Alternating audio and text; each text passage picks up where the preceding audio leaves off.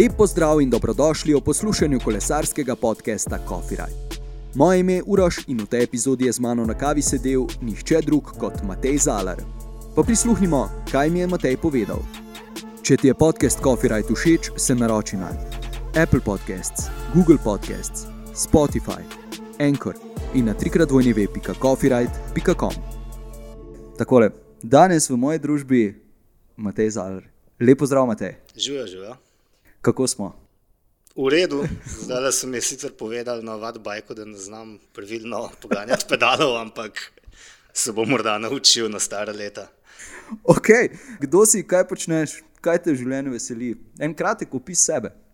Pravzaprav poskušam že vse svoje življenje združiti svoje koničke, interese, eh, službo, kar mi bolj ali manj dobro uspeva. Trenutno se udinjam kot urednik novega kolesarskega portala Runda. Um, seveda sem pa tudi kolesar, nikoli nisem bil dovolj dober, da bi lahko postal profesionalec, ampak se vsaj na drugačen način zdaj ukvarjam s kolesarstvom in od tega poskušam živeti. Vrhunsko. Kakšno kavo rad piješ, ko greš na kofirajt, ali pa tudi, ko ne greš? Kakšno imaš rad? Praktično naj, največkrat spijem pred vsako vožnjo, tudi če ni kofirajt, tudi če kaj daljšega. Spijem espreso. Uh, moram pa reči, da v zadnjem času pa najraje pijem kavo, ki jo s prelivanjem naredi uh, naš kolega Gregor, ki je kriv za vse, kar se dogaja v ozadju spletnega portala Runda. Pripravljajo po sistemu Chemex in mi jo v bistvu vsako jutro, vsako dopoledne prijazno skuha. Zdaj, malo zoprno, ker je šel za nekaj tednov v, na Kanarske otoke, tako da ne vem, kako bom preživel, ko sem se ravno navadil na ta vrhunski kulinarični presežek. Ok, to moram pa prav pogooglati. Torej, si snop okrog kave ali si to šele postal, ne vem, v tvojih zapisih včasih vidimo, da, da malenkost pokomentiraš kakšno gostilno z rjavo brozgo in ostalim. Ne, sploh nisem eh, kavni snop, nasprotno, če dalje če dalje manj mi je celo pomembno, so mi vse te stvari pomembne, tudi slej, ko prej se bom vrnil k cenenemu pivu, po mojem, uh, ker se mi zdi, da je vse to že preseglo vse meje. Ne. Zdaj mora biti človek strokovnjak za kavo, za hamburgerje, rum, viski, vino tako ali tako, pivo mora sam variti doma in gin in glej, ne zmorem. Ja, ne zveriš piva sam doma. Ne, seveda ne. okay. Torej, sam za sebe praviš, da pišeš brez lake na jeziku. Si zaradi tega, ki je postal eh, ali pa zapisan kot eh, persona non grata, kot si se enkrat samo opisal. A res, to sem se celo opisal. Ja, ja. Že to, da sem brez lake na jeziku, je morda malo pretenciozno, ampak dobro. Ne bi rekel, da sem persona non grata. No, morda bi dlje prilezel v svojem življenju, če bi kdaj ostal tiho, to je res. Vem pa, da so ljudje dosti krat presenečeni da sem v bistvu kar prijetna oseba, kljub temu, da dajem morda drugačen opis na spletu. Ampak to je spet samo moj blog, ker sem res neposreden, ker pač uh, furam ta imič nekega nergavega težaka, ki vam bom pa zdaj povedal, kako je treba. Ja, spomnim se, ko sem te videl lani na maratonu Alpe, kjer si se z nasmeškom peljal mimo mene, pa vseeno nisem upal pozdraviti. Ja, tako hudo, no, z lahkoto bi pozdravil. pa gremo kar dalje. Torej, pišeš recenzije koles. Kako si se tega, recimo, lotil ali pa naučil, kako je sploh potekala ta pot? Poglej, bilo je podobno kot je največkrat v Sloveniji, vržejo te v bazen in potem moraš plavati, nihče ti ne pove, kako in kaj. Že od nekdaj sem bil recimo, na nek način navdušen nad kolesi, še v svojih tekmovalnih časih, tako da sem približno vedel, na kaj treba biti pozoren. Um, in enostavno, ko sem začel, sem bral veliko testov v tujih medijih in na tak način potem počasi spoznal neke zakonitosti, oziroma na kaj biti pozoren, kaj opisati pri kolesu. Je pa seveda dejstvo, da na začetku so bili ti testi, no, testi bolj neki opisi koles, šele potem s časom pa počasi ugotoviš te razlike med različnimi kolesi, začneš spoznavati dejansko posebnosti koles. Zdaj, ko sem jih vozil, že recimo, lahko rečem, da kakšnih 40 različnih in jih menjam, recimo vsak mesec drugega, že kar dobro razumem, no, zakaj gre. Pa je recimo tukaj, mislim, verjamem, da je neko subjektivno mnenje z tvoje strani, ni nujno, da nekaj, kar tebi paše, meni paše. Se probaš, oziroma poskusiš tukaj čim bolj distancirati od tega, kakšne so tvoje eh, predispozicije za dobro kolo, ali ja, v bistvu kako, kako to. Ja, absolutno. Popolnoma se skušam distancirati in se postaviti v kožo uporabnika, ki mu je to kolo recimo namenjeno. Meni osebno so najbolj všeč tekmovalna kolesa z izrazito agresivno geometrijo, enostavno zaradi voznih lastnosti. Medtem ko pa mislim, da večini pa bi bolj ustrezala neka udobnejša kolesa, endurance, zdržljivost, na, na katerih je položaj bolj vzravnan. In z tega vidika pač ne morem za neko endurance kolo enostavno napisati, da mi ni všeč. Ne. Enostavno je pač drugačno. Moram pač ocenjevati v tistem razredu, ki mu kolo recimo pripada. Rekl si, v štartu so bili to zgolj opisi koles, zdaj po nekaj letih kilometrine.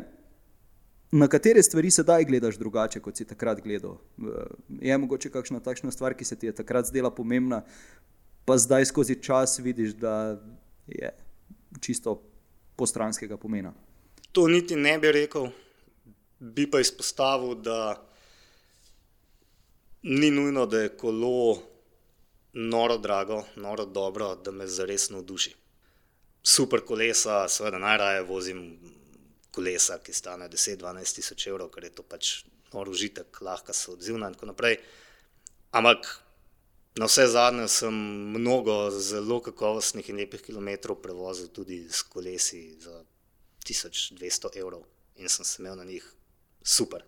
Morda nisem bil tako hiter, oziroma zagotovo ne, ampak enostavno užitek v vožnji prinese čisto nekaj drugega. Ne. Da ne govorim o tem, da mi forma skozi leto noro niha in seveda je bolje voziti poceni kolo, ko si v formi, kot pa zelo drago, ko si pač za nič. Ne. In to se mi zgodi vsako leto dvakrat. Sej, ko beremo tvoje zapise, bi rekel, da si vseeno v zadnjem času začel malo bolj uživati v narekovajih na kolesu. Ne? Kaj se je tu spremenilo, si začel drugače gledati na kolesarjenje, zdaj si ravno omenil, da, da si pač tudi noro užival na, na spet na rekovajih poceni kolesih. Ne? To vprašanje me v bistvu preseneča, ker ne bi rekel, da kaj dosti bolj uživam kot sem prej. Skušam, ne vem, zakaj pa tako meniš, da imam tako tis. Uh, ja, ja, zapisi so se spremenili, moram priznati. ja, ne vem. No. Um, ne, ne bi rekel, da zdaj uživam kaj bolj ali na drugačen način. Vse na kolesu sem vedno užival, mm, razen seveda tistih trenutkov, ko bi najraje stopil dol in poklical taksi, kar se mi zgodi pogosto, ampak to zato, ker pač pretiravam ne, in tega se zavedam. Morda pa ja, sej ravno sem kolumno napisal pred časom, uživam pa vsekakor na drugačen način, kot sem pred desetimi, petnajstimi leti, ko sem bil dejansko še zelo dober kolesar in sem užival bolj v tem, da vem, ne, kako se izrazim, navdušen nad samim seboj, kako jaz to dobro vozim v klance. Zdaj tega ne more biti več, vem, kako je šlo včasih, kako gre zdaj počasneje. Enostavno sem bolj začel uživati no, v samem doživetju kolesarjenja in v tem, da se lahko super počutiš, tudi če greš malo počasneje. Ne. Še vedno pa uživam v teh dolgih, intenzivnih vožnjah, včasih tudi s kakšnimi prijatelji, ki so mnogo boljši od mene in se vsaka vožnja potem sprevrže v več ur trpljenja, ampak je to nek svoj vrsten užitek. Sploh potem, ko grem recimo en dan pa na kakšno krajšo, počasnejšo turo in se še vedno lahko z lahkoto peljem relativno hitro. Ne. Super. Kup nekih dejavnikov in specifikacije za določeno kolo. Kako to v bistvu potem sploh na kolesu razločiš? Ok, nekaj so te geometrije, pa vse, ampak je samo tisti občutek, ko se pelješ ali še kaj drugega, recimo na kaj gledaš. Mislim, jaz gledam na nek kompletno, kako se na kolesu počutim. Zdaj so neka mnenja, da bi moral na kolo dati, eh, na vsako tesno kolo dati eh, neke enake obročnike. ga čim bolj prilagoditi svojemu slogu vožnje, ampak potem nisem več testiral kompletnega kolesa, kot ga lahko nekdo kupi v trgovini, ampak neko kolo, ki sem ga prilagodil svojim potrebam in željam. Tako da ne, z tega vidika ne. Bi pa rekel, da predvsem opazim razliko med, kot sem prej rekel, nekim tekmovalnim kolesom in vzdržljivostnim kolesom. Tukaj so razlike ogromne. Način, kako se pelje, je popolnoma različen, obdobje na kolesu je popolnoma različno. In še nekaj, včasih opazim lastnosti enega kolesa, šele potem, ko se usedem na drugega. Sprav še ne, po dveh dneh ugotovim, joj, kaj je vse drugače. In šele takrat se včasih zgodi, da bi bolje, drugače, ne, ne bom rekel bolje, drugače lahko ocenil prejšnjega. Sprav, ko presedlam na kolo, šele nekako ugotovim, kakšne so lastnosti prejšnjega. Razumem. razumem. Okay. Bi rekel, da se spopadaš s problemom, kjer v Sloveniji morda ni dovolj znamk, ki bi ti bile na voljo.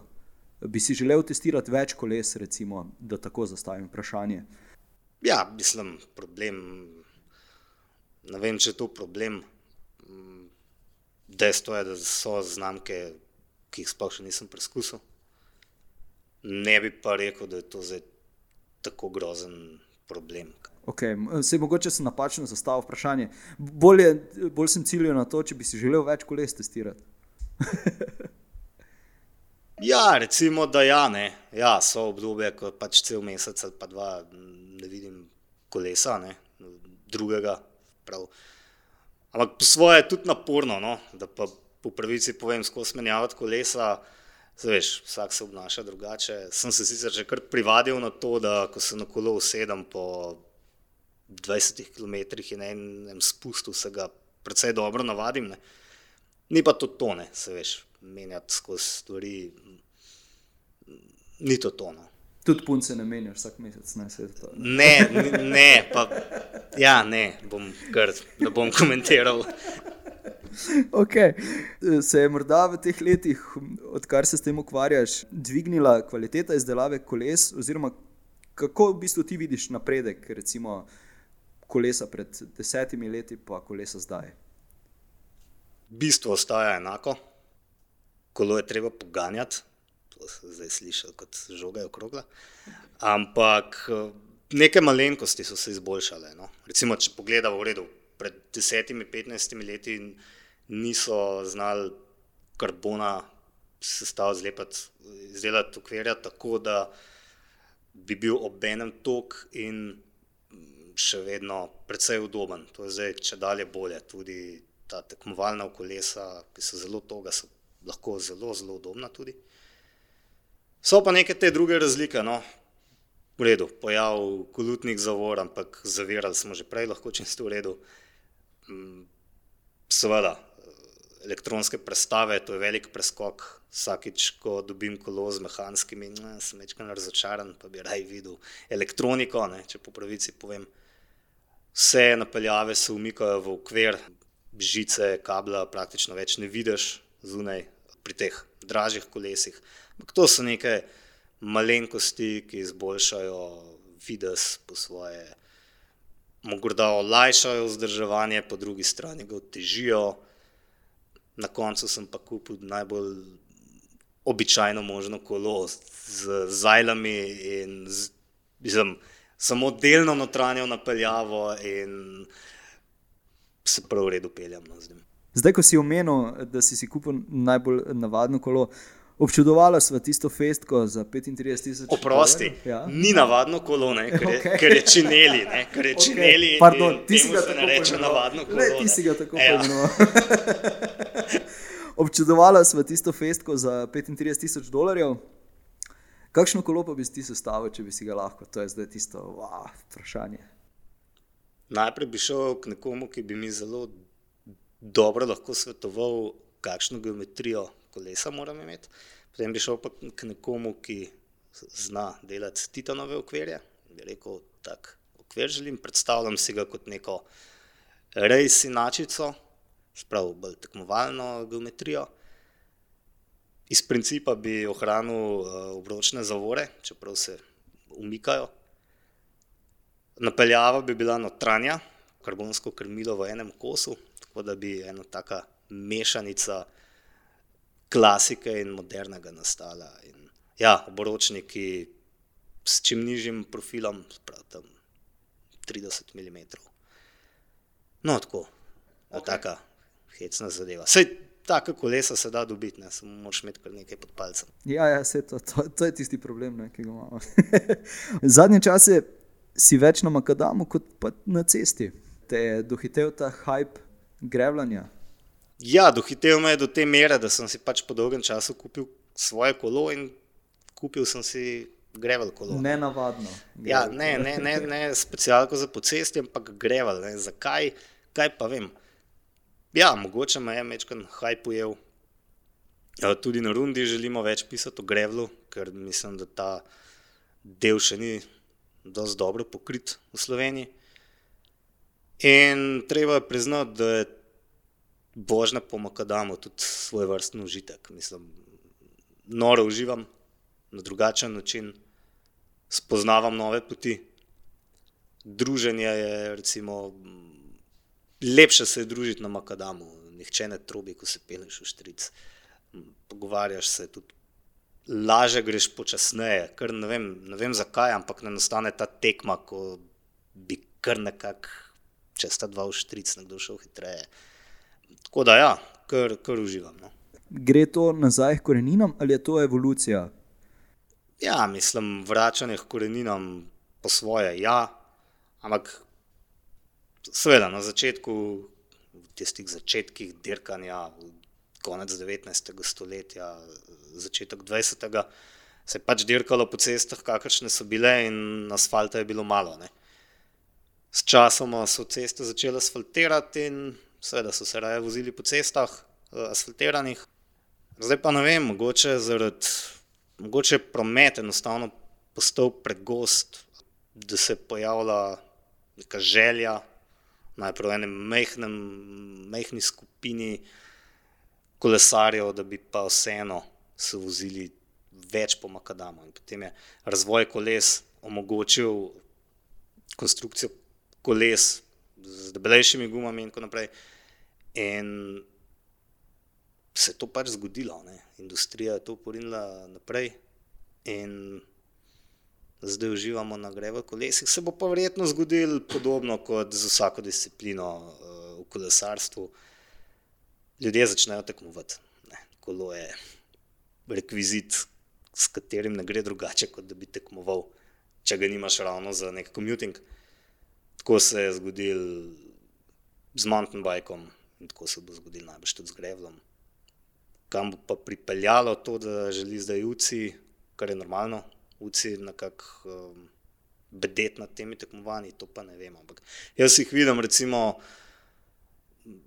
da, vidim, da bodo nekako potekali v slogu Dirty Kanze, ker so nekako postavili standarde za neko takšno tekmovanje, ki je delno podprta dirka na zelo veliki razdalji, spravo 200 mil, to je kot 320 km.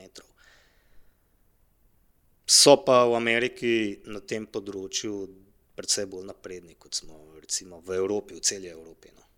Kako vidiš v bistvu recimo, našo sceno uh, grevljanja?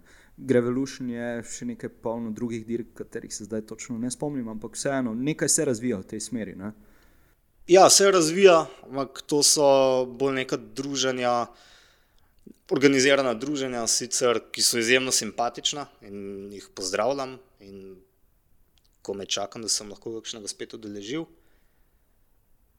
Tudi Greva Lepik bo potekal na Bledu, to je predvsem nova serija štirih dirk, še v Marrakešu, na Etni in v Džironi, poleg te blejske dirke.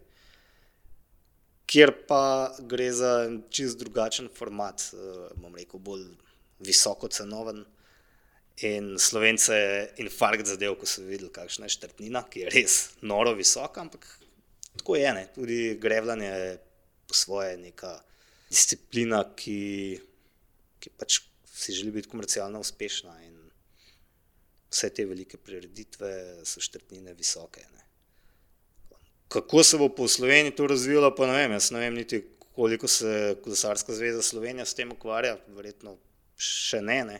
nauci so zdaj že začeli in s časom bo morala tudi KZS najbrž v to jabolko ugrizniti in ne vem, prirediti, če ne drugega, državno prvenstvo in tega, tega bi se veselil, zanimalo bi me, no, kdo bi se ga udeležil, to bi bilo zanimivo videti. Cool. Na začetku si samo omenil, oziroma si omenil, da si treniral kolesarstvo. Rekl si tudi, da nisi bil nikoli tako dober, da bi postal profesionalec, ampak vseeno je to zgolj en in edini razlog, zakaj si prenehal trenirati kolesarstvo, ali so še kakšni drugi zgibi bili. Vse ne bi rekel, da sem bil prav za nič, ne. neke, neke telesne predispozicije imam, mogoče glava ni bila čist pri stvari, predvsem pa jaz sem dirkal v gorskem kolesarstvu, ki takrat pač ni bilo na taki ravni, da bi jaz lahko verjel, da mi na kakršen koli način uspe. Da bi šel na cesto, pa nekako, ne vem, nisem imel poguma, ali je bilo že malček prepozno, ne, čeprav v resnici ni bilo. V glavnem, jaz sem zaključil, mislim, da že nekje pri dvaindvajsetih letih, vsega skupaj sem tri, štiri leta in po eni strani mi je mogoče žal, da nisem vztrajal ali pa da ni šla moja pot majčkeno drugače, po drugi strani si pa ne znam predstavljati, da bi morda še danes dirkal, četudi bi mi uspelo v kakšni dobri ekipi in bi se zdaj verjetno vračal s kakšne dirke, visel na letališču in celil rane, ki bi jih pridobil v kakšnem množičnem, ne, ne vem, ne znam si tega predstavljati, no, da bi pri teh letih še tako življenje živel, no. Zdaj, dal si mi iztočnico za dalje. Sam si rekel, tekmoval si v gorskem kolesarstvu. Kako si potem v bistvu našel cestno kolesarstvo? Da, mislim, vem, da se zdaj večino časa voziš na cestnem kolesu, no, oziroma zdaj greš ponovno. Veš kako je, mi smo že, smo gorsko kolesarili v klubu Ganeša pri Marjanu Javku, smo v bistvu ti naši treningi so bili bolj taki cestni, no. Tudi veliko časa smo na cestnem kolesu preživeli. Zdaj se ne spomnim, ampak morda sem že takrat bolj užival na cestnem kolesu, no. In bi že takrat najbrž moral kakšen alarm zazvoniti. Ampak enostavno, ne vem, ko sem potem kar za nekaj let prekinil s kolesarjenjem, ker sem dobil službo, enostavno sem potem enkrat spet dobil kolo in ugotovil, da mi bistveno bolj ustreza. Nekaj časa sem imel doma celo in mountain bike in cestno kolo, pa ne vem, če sem v dveh tednih se enkrat usedel na mountain bike, še tisto bolj na silo. Tako da ne vem, ne vem, zakaj, no. všeč mi je hitrost, to, da se nekako relativno gladko pelješ, čeprav je to na naših cestah tako. Morda tudi to, da imam več možnosti nekam iti cestnim kolesom kot pa z gorskim, ker se moraš, mislim, dobro je, da se nekam najprej zapelješ z avtom, tam kolo daš strehe, greš kolesarit, se vrneš blaten, tam preoblačiš na kakšnem parkirišču, kažeš na gorico, to, to mi ni všeč, jaz vedno štartam od doma in ko štartam iz Ljubljane, lahko pridem res daleč. Mislim, praktično sto kilometrov v eno smer z gorskim kolesom, to ni možno, bi bil tukaj v Ljubljani obsojen tamle na Golovec, na Sveto Katarino oziroma Pohograjce in Krim, kjer je pa čedalje več tudi pohodnikov in sploh ne vem več, kako bi tam funkcioniral med vsemi temi ljudmi, no. Večkrat si že omenil, nisi več pri biciklu, zdaj si na rundi. Kako v bistvu želiš, da bi se razvila? Nekako vidim te kot trenutno edinega, ki, ki, ki pišeš za rundo. Trenutno sem edini, ja, žal. Nič, najprej bomo morali neko ekipo še drugih avtorjev, to je jasno. Je pa tako, da smo se tega projekta, sovražim besedo projekt, mimogrede, dejansko lotili zelo resno, no, in na dolgi rok. Spletna stran je, kolikor je dolgo trajalo, da, da, da je nastala, je zdaj res vrhunska, stvari funkcionirajo, hitra je, omogoča neslutene možnosti razvoja. Dodajali bomo še nove funkcionalnosti, pravi, zdaj imamo bolj ali manj samo vsebino, se bo pa dodajalo še določene stvari, ki jih pogrešamo v tem prostoru in bojo najbrž tudi kar navdušili kolesarja. Zdaj, meni je zdaj jasno, da ko delaš neko spletno stran, ni dovolj, da imaš nek tim novinarjev, nek dober uredniški del, ampak dejansko v teh časih moraš imeti zelo, zelo dober tehnični del, ker brez tega ne vem, pogoriš. Sam, sam ne bi mogel. No. Lahko pričakujemo, eh, da bodo teksti ostali, zdaj, da se bom pravilno izrazil, tako našpičeni kot na tvojem blogu. Ne, tako našpičeni, verjetno ne bodo. Ne. Zato bom blog sploh ohranil, da bom tam uh, svoje ventile spuščal. Mislim pa, no, definitivno bom pisal kolumne na temo kolesarstva in mislim, da tam pa ne želim izgubiti neke svoje ostrine. Mislim, da se je tudi v nekaj kolumnah to zdaj že pokazalo. Um, tudi ostrine do sebe, no, na vse zadnje. Jaz se rad iz sebe tudi pošalim tako ti potem manj zamerijo tisti, eh, na katere kaj leti, ker si se v prejšnjem stavku, pa večkrat iz samega sebe ponorčeval. Tako da ja, želim ostati no, tak način, pa ne vem, morda, da je neko tis samozavesti. Ne. Vtis nergača.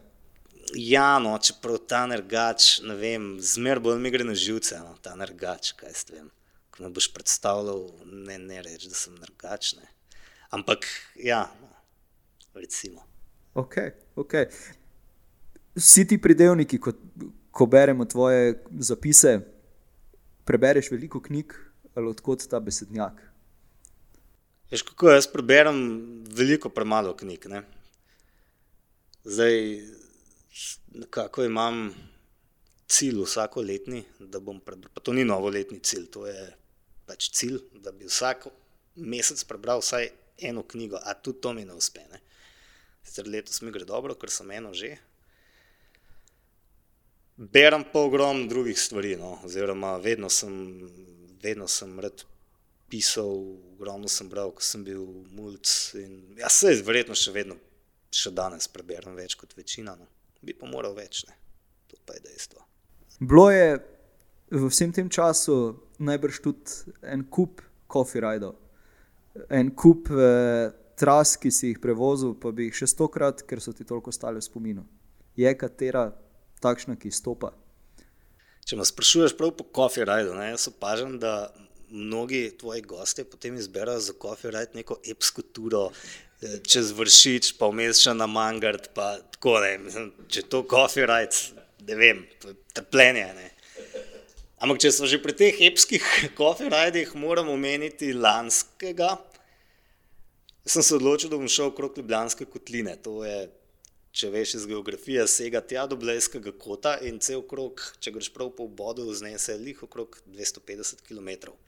Da bi šel to sam, dolg traja, želel sem si družbo in javil se je najboljši slovenski rekreativec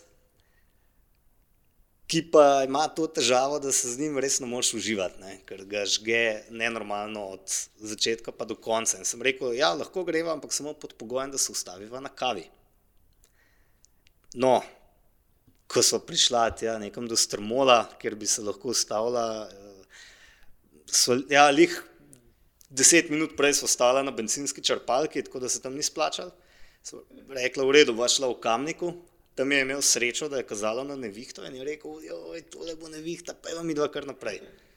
No, ampak so se potem vendarle ostale v domžalah, spila kavo. Prvič v življenju sem ga videl, da je dal čelado z glave in dejansko spil kavo kot normalen človek. Njegova žena eh, je izjavila, da podpira ta človeški pristop k cesarstvu. Je pa ta kofer tako izgledal, no, da so po 180 km, ko so se ločila, so imela poprečno hitrost nekaj čez 36 km na uro. Da, ne vem, če se to kvalificira kot kofer, ampak šla smo na kavo. Šla ste na kavo, to, to pa sva, Če me pa že po kofer rajdu sprašuješ, no, nima nič določenega. No. Um, kaj pa vem, če grem dejansko na kavo, grem ponovadi do gradu Strmol kjer sicer kava ni najboljša, postrežba je bupna, tiste tortice, ki jih dajo zraven, so tako smešno mehne, da ne vem. Ne. Uh, ali pa kakšna škofija loka je tudi simpatična za, za kofi rajc, pa se gre k humanu na torto, kot že najbrž desetletja.